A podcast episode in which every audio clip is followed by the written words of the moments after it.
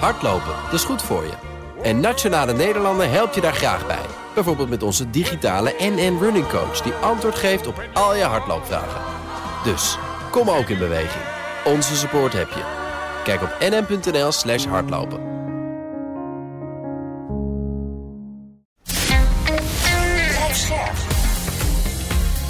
BNR Nieuwsradio. Boekenstein en de Wijk. Hugo Reitsma. Dit is een extra uitzending van Boekenstein en de Wijk in verband met de oorlog in Oekraïne en de crisis met Rusland. Het is woensdag, dag 266 van de invasie. En ik denk dat we maar beginnen moeten met Polen, want dat was wel schrikken, hè? Toen daar ineens een raket neerkwam gisteren. Ja, dat was echt schrikken. Ja. De, de CNN ging er gelijk ook urenlang over praten. Maar uiteindelijk bleek het dus zo te zijn, dat is ook wel vandaag bevestigd. Het is gewoon een, een deel van een Oekraïense anti-missile, weet je wel, die dus een Russische missile heeft uh, geraakt. Die raakte dus in Polen terecht en heeft ja. daar twee uh, doden veroorzaakt. Ja. En, en, dat betekent dus dat het eigenlijk toch een beetje met een sisser afloopt. Ja. Nou ja, kijk, ik zat, uh, ik zat gisteren toevallig uh, in een meeting met uh, allerlei generaals van verschillende NAVO-landen, ook mensen van het NAVO-hoofdkwartier. En toen kwam dat nieuws binnen. En dan is het wel geestig om te zien wat daar dan gebeurt. Mm-hmm. Uh, dus één uh, vertegenwoordiger van uh, het NAVO-hoofdkwartier, die er nogal hoog in de boom zit, ik zal geen namen noemen, die zei wel, jezus, als dit aan de hand is. en het is een opzettelijke, een opzettelijke provocatie geweest van Rusland, dan is dat horizontale escalatie. En dan is, echt gewoon, is er echt een probleem. Dan moet er dus in actie komen. En al heel snel kwam het bericht binnen van nou, het zou wel eens een keer uh, geen provocatie, geen opzettelijke actie zijn. Dus, uh, en dan zie je interessant genoeg wat er dan gebeurt. En dan is, zegt iedereen, nou ja, oké, okay, er is niks aan de hand. Dan uh, wordt er even op en neer gebeld tussen de NAVO of Amerika met Rusland. En dan wordt dat gewoon gesust. Het bleek interessant genoeg nog weer anders te zijn. Dus uh, dat de Oekraïne zelf mogelijkerwijs een raket daar naartoe heeft gestuurd. Dat zou dan daarbij weten zijn zo ongeveer de eerste keer dat Rusland niet gelogen heeft over wat er gebeurd is. Want, uh, Uniek. Uh, want, ja. want, de Russen die zeiden, wij hebben helemaal niks mee te maken. Dat ja. blijkt dus ook nog wel een keer te kloppen. Ja. Maar, maar jongens, wat, wat, wat dus ook wel echt interessant is, is om te zien wat er op Twitter gebeurt. Hè? Uh, en hoe dus mensen totaal van de leg uh, raken over uh, wat daar gebeurd is. En onmiddellijk beginnen te roepen van ja, nee, maar dan moeten we erop loslaan. En hoe verstandig in, in feitelijk alle leiders van de NAVO-landen gereageerd hebben. En van de NAVO zelf. Van mm -hmm. Even afwachten, even kijken wat daar gebeurd is. En dan met een gematigde respons komen. Ja. komen. En dat hebben de Poolse, dat heeft de Poolse regering ook gedaan. Ook Duda, de, de president, die heeft onmiddellijk gezegd van nou, laten we toch even uitkijken van wat hier aan de hand is, goed onderzoeken en dan besluiten nemen. Ja, dat is eigenlijk dan heel wel verstandig. positief om te zien, dat dat zo uh, Heel kalm en, heel positief uh, om dat te zien. Ik was er echt heel blij mee en uh, ja. wat dat betreft is het goed dat we deze wereld niet door twitteraars laten uh, regeren. ja, en Duda heeft dus gezegd, ook in de New York Times, het is dus een Oekraïense luchtafweerraket die dus een Russische missile eruit haalde. En die Oekraïense raket is uh, geland in, in Polen. Dat kan natuurlijk ook heel ja. goed gebeuren. Ja, dat ja. kan heel goed gebeuren. Ja, er is ook even sprake van dat het brokstukken zouden zijn die door een anti-raketraket van Oekraïne veroorzaakt uh, zouden zijn. Uh, ja, ook dan is er niks aan de hand. dan, ook dan had Rusland kunnen zeggen: van, ja, het is niet ons probleem. Want Oekraïne heeft die raket naar Flarden geschoten. En dat die brokstukken dan vervolgens ergens anders neerkomen, daar kunnen wij niks aan doen. En daar hadden ze dan ook nog weer een keer gelijk. Ja. Nou ja, behalve maar, natuurlijk als je een, een, een, land plat bombardeert, dan is, als zij zich tegen, daartegen verdedigen. En dat heeft, Zeker. heeft levert schade nee, ja, op. Ja, ik weet het niet hoor. Natuurlijk, maar ja, nee, dit is dan nevenschade. Hè. Nevenschade is altijd vervelend. Ja, uh, Duda zegt dat ook in het New York Times interview. Zegt hij van luister eens, uh, dit komt natuurlijk allemaal omdat uh, Rusland zoveel bommen op het land gooit. Ja, natuurlijk. En, het waren de, de grootste uh, luchtbombardementen, hè, zegt althans Oekraïne. Ja. Uh, ja. Zij melden meer dan nee, ja, 100 kruisraketten en 10 ja. drones zouden zijn gebruikt. Natuurlijk weer voornamelijk tegen infrastructuur. Maar het goede nieuws hierbij dat 73 van die raketten uh, zijn neergehaald en alle drones, dus zeg maar drie kwart. En bij eerdere grote aanvallen was dat nog maar zoiets van de helft. Ja. Dus dat uh, het gaat beter. Maar, maar, maar, maar, het slechte nieuws is er ook, jongens. Honderden steden zonder elektriciteit, water en verwarmingen. Het internettraffic is met twee derde afgenomen. 15 uh, uh, elektriciteitscentrales geraakt. Dus nu 40% van de totale kritische energie uh, infrastructuur is nu uitgeschakeld. Ook de, weet je wel, die, die, die, de, ongeveer 50% van de elektriciteit en ook in de komt van uh, kerncentrales. Die kunnen hun stroom niet meer afgeven. Uh, ze werken dus nu met controlled blackouts, maar jongens, dit is wel heel erg. Hè? Is ook heel erg, ja. Absoluut. heel erg. Ja, ja. Maar Rusland raakt ook door zijn uh, precisieraketten heen, toch? Kan het dan niet dat Rusland eerder door zijn raketten heen is dan dat alles in Oekraïne op zwart gaat? Nee, er is toch wel een hoop over. Uh, ik, we hebben een tijd geleden hebben we ook al die getallen gegeven, maar er is nog behoorlijk wat in de aanbieding hoor. Ze kunnen nog wel even doorgaan. Uh, er, komen raketten uit, uit Iran, als we goed zijn geïnformeerd. En dan kunnen ze weer doorgaan. Kijk, het interessante is, dat is ook een discussie die hier gisteren werd gevoerd. Van zijn we nou bijvoorbeeld in staat om te zeggen tegen Iran, die gaat die raketten niet leveren kunnen we dat? Mhm. Of kunnen we die konvooien van die raketten, kunnen we die gewoon ook, uh, wanneer ze uit uh, Iran vertrekken, kunnen we die of op een of andere manier pakken ja. of vernietigen? En dat is echt een interessante discussie. Kijk, daar kwam natuurlijk geen antwoord op. Uh, maar het is wel een echte relevante discussie die gevoerd wordt. Van waarom zou je dit toestaan? Waarom zou je toestaan dat dit soort raketten vanuit Iran naar Oekraïne worden, worden verscheept? En kun je dat op een of andere manier voorkomen?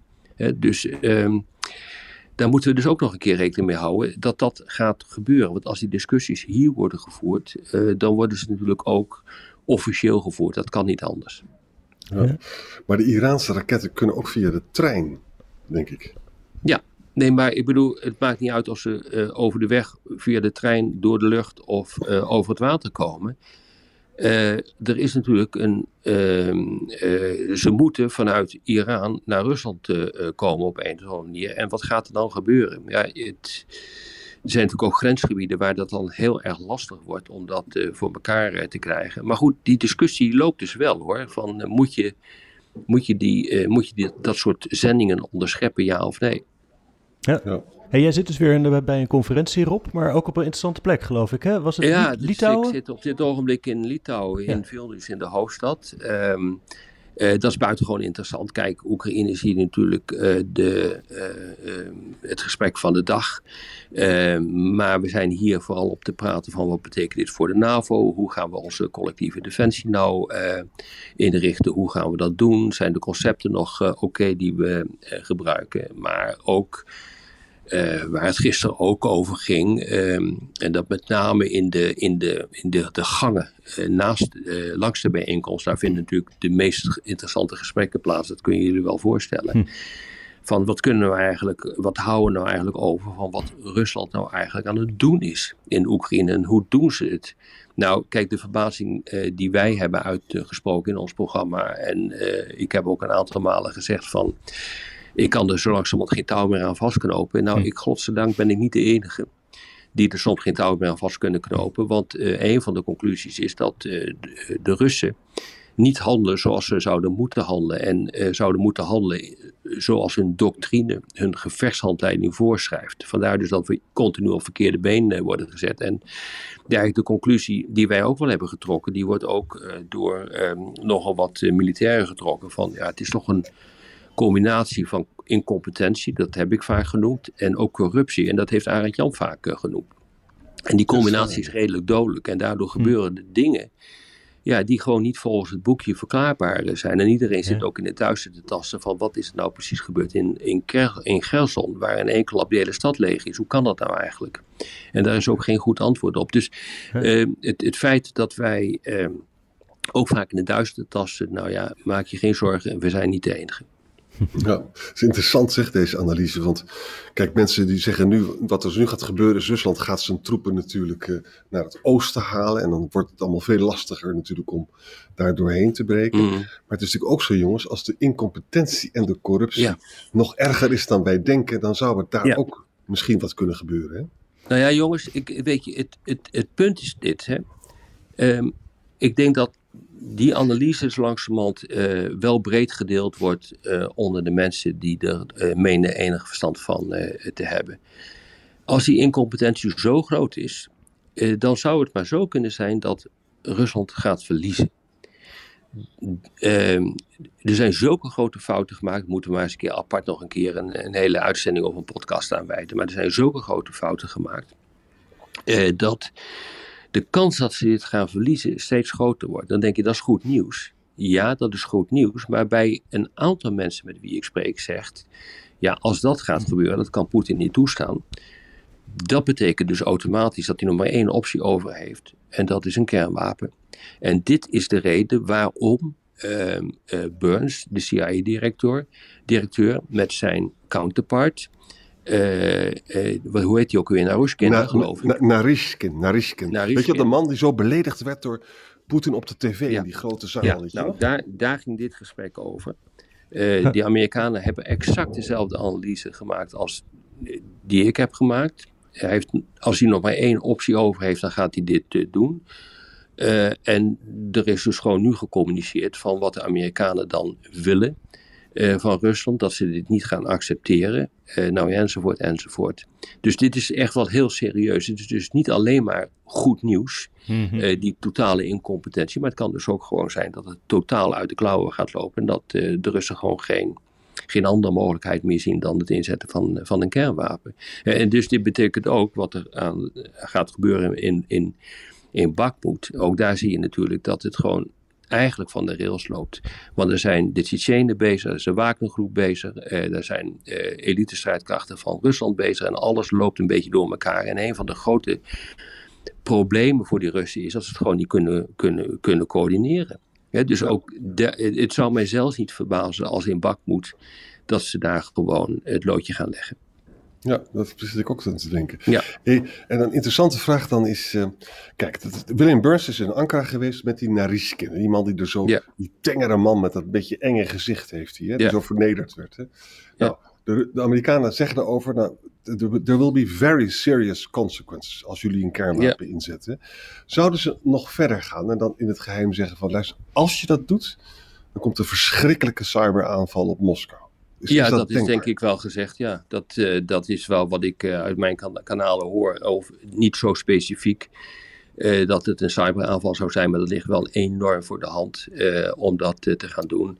Maar ook het leveren van andere soorten wapensystemen. Maar degene hmm. die dat natuurlijk precies weten wat er aan de hand is, die houden hun klep natuurlijk. Die zeggen dat niet. Ja.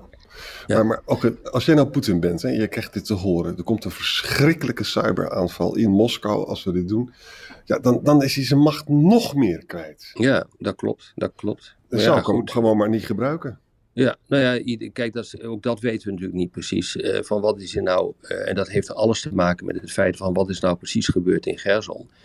Maar uh, dan, dan, dat betekent dus feitelijk dat je een geweldig probleem hebt met betrekking tot je eigen geloofwaardigheid. En wat gaat dat dan betekenen voor uh, voor de positie van, uh, van Poetin. Dat, dat weten we gewoon niet. Wat ook belangrijk is, jongens, dat uh, William Burns is nu dus in Kiev. En daar ontstaat natuurlijk het probleem dat de, de, de Oekraïners, met name Zelensky, is ontzettend bang natuurlijk dat de Amerikanen willen zelf onderhandelen met de Russen. Nu zegt Burns, die lekt dus ook naar de New York Times, van ik heb alleen maar met Narishkin gesproken over die, die dreiging van die nu nucleaire escalatie. Hè, maar dus absoluut niet over onderhandelingen wordt niet voor niks wordt dat allemaal openbaar gemaakt. Hè? Want er zijn natuurlijk spanningen.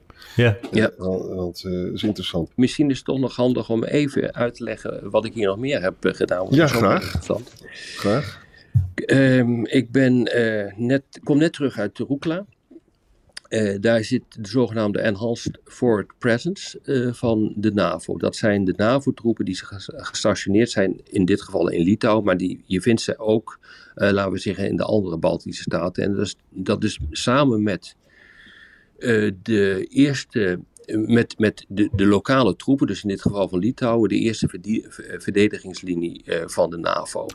Uh, en je weet misschien dat is een aantal jaren geleden is dit al, uh, al, al, opgezet. Het is allemaal helemaal versterkt sinds de aanval van Rusland op Rusland, op Oekraïne van 24 februari. En dan zie je dus dat, er, dat die de troepen enorm worden, worden versterkt. Er zijn nu pakweg 1700 militairen van de NAVO-landen, waaronder Nederland.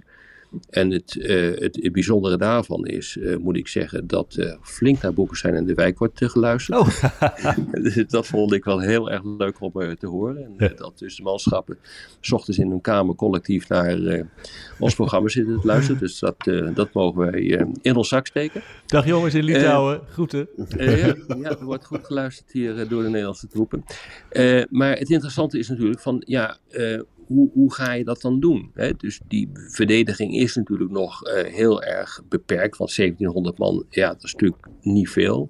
De Litouwers zelf hebben, hebben ook niet heel erg veel troepen, het is natuurlijk toch gewoon een klein land en je kan het gewoon niet je kan het niet echt nog verdedigen met deze troepen. Hè? Dus uh, nou, dat leidt dus tot enorme discussies over. Oké, stel je nou voor dat de Russen nu aanvallen, maar die kans is natuurlijk vrijwel verwaarloosbaar, omdat de Russen zelf zo zwak zijn. Wat ga je dan doen? Ga je dan troepen aanvoeren? Kan dat dan? Mm ga je een atoombom uh, gooien uh, tegen de Russen? kan dat dan? Dus die discussies lopen hier nu volop. En het mhm. heeft dus te maken met een breder debat. Ehm, en, dat, en dit debat hebben we eigenlijk de hele dag tot nu toe gevoerd over hoe ga je nou de NAVO verdedigen tegen een mogelijke Russische aanval en wat is daar dan voor nodig? Nou, ik moet eerlijk zeggen, we hebben nog niet echt antwoorden daarop. Nee, nee, ja. Oké jongens, dan gaan we naar de, even naar de G20 toe. Hè? Ja, even kort nog, denk ja. ik. Ja, kort twee dingen. Uh, China wil nog steeds uh, de, de, prakti de, praktische politieke coöperatie met Moskou uh, verdiepen. Hè? Maar China zegt ook, we zijn erg blij dat Poetin ontkent dat hij kernwapens zou willen inzetten. Het lijkt ons heel verstandig. Hè? En er is een, uh, geen joint communiqué gekomen, dat verwachtte ook niemand. Maar wat ze dan kiezen is een Leaders Declaration, hè? een verklaring van de leiders. En die is dan zo geformuleerd dat iedereen daar zijn handtekening onder kan zetten. De meeste leden van de G20 veroordelen de oorlog in Oekraïne. Maar er zijn verschillende visies en inschattingen van de situatie. En dat geldt ook voor sancties. Mm. Nou ja, zo kan iedereen er natuurlijk uh, gelukkig mee. Nou ja, maar goed, de goed verstaande uh, weet natuurlijk precies wat die staat. Hè. De, ja. uh, de verschillen van opvattingen die zijn er vooral tussen de Russen en de, de Chinezen. Xi Jinping die heeft gezegd dat de sancties gewoon niet meer unilateraal moeten worden opgelegd. Dat hij daar niks mee kan. Maar het feit uh, dat je sowieso op papier zet en dat ook de Chinezen hiermee akkoord zijn gegaan, is, uh, is wel helder hoor. Wat hier ja. bedoeld wordt. En verder hebben ze dus anderhalf miljard een pandemiefonds. Ik moest gelijk aan, aan China denken, die heeft het heel erg nodig, andere vaccins. En, mm -hmm. en, de, en de Amerikanen hebben dat dus ook aangeboden. Heel slim van de Amerikanen. Mm -hmm. en, en, verder jongens, 81,6 miljard Sustainability Trust Fonds bij het IMF. En dat geeft dus hulp aan landen in crisis. Je moet bedenken, de rente is zo gestegen dat al die arme landen met grote leningen in enorme problemen ja. dreigen te komen. Daar zullen we nog vaak ja. over praten. Dat speelt ja. allemaal nu, hè? Ja. Ja. Nou, tot slot nog, er worden natuurlijk krijgsgevangenen gemarteld. En de VN heeft dus gesproken met 159 Oekraïense krijgsgevangenen. Maar ook met 175 Russische krijgsgevangenen. En ze zeggen dan letterlijk van de, Russen hebben dat heel veel gedaan, maar de Oekraïners hebben dat soms ook hmm. gedaan. Hmm. Ja. Dat verbaast mij overigens niks. Nee, mij ook niet. Nee, dat is, dat is wat er gebeurt. Dat is verwerpelijk, maar het gebeurt. Ja, en India staat de banken toe om te handelen in Rusland uh, in rupees. En dan, daarmee kunnen ze dus ruwe olie met een discount krijgen. Mm. Dus India laat het, uh, laat ja. het Westen daar los. Hè? Maar we... misschien toch nog even om. Uh, we, ja. hebben nu, we moeten daar geen gewoonte van maken hoor. maar om toch een beetje op een beetje positief te eindigen. kijk, ik was toch wel aangenaam verrast met de G20 hoor. En ja. uh, ook de wijze waarop uh, Biden met, uh, Xi omging.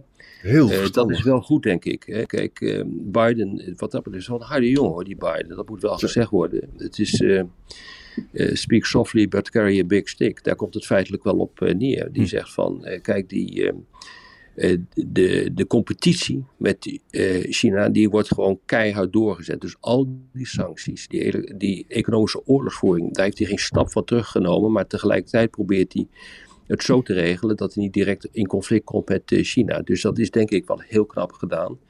En nou ja, de, de verhouding met Xi schijnt niet heel erg slecht te zijn geweest, wat ik ervan begrijp. Dus mm-hmm. dat is denk ik wel een opsteken voor de wereld. Nou, die steken we in ons zak. hey, en trouwens Rob, nu ik je zo weer spreek voor het eerst sinds maandag, gefeliciteerd nog. Ja, dankjewel jongens. Ik ben door iedereen uh, gefeliciteerd, behalve door jullie. Dus, ja. Uh.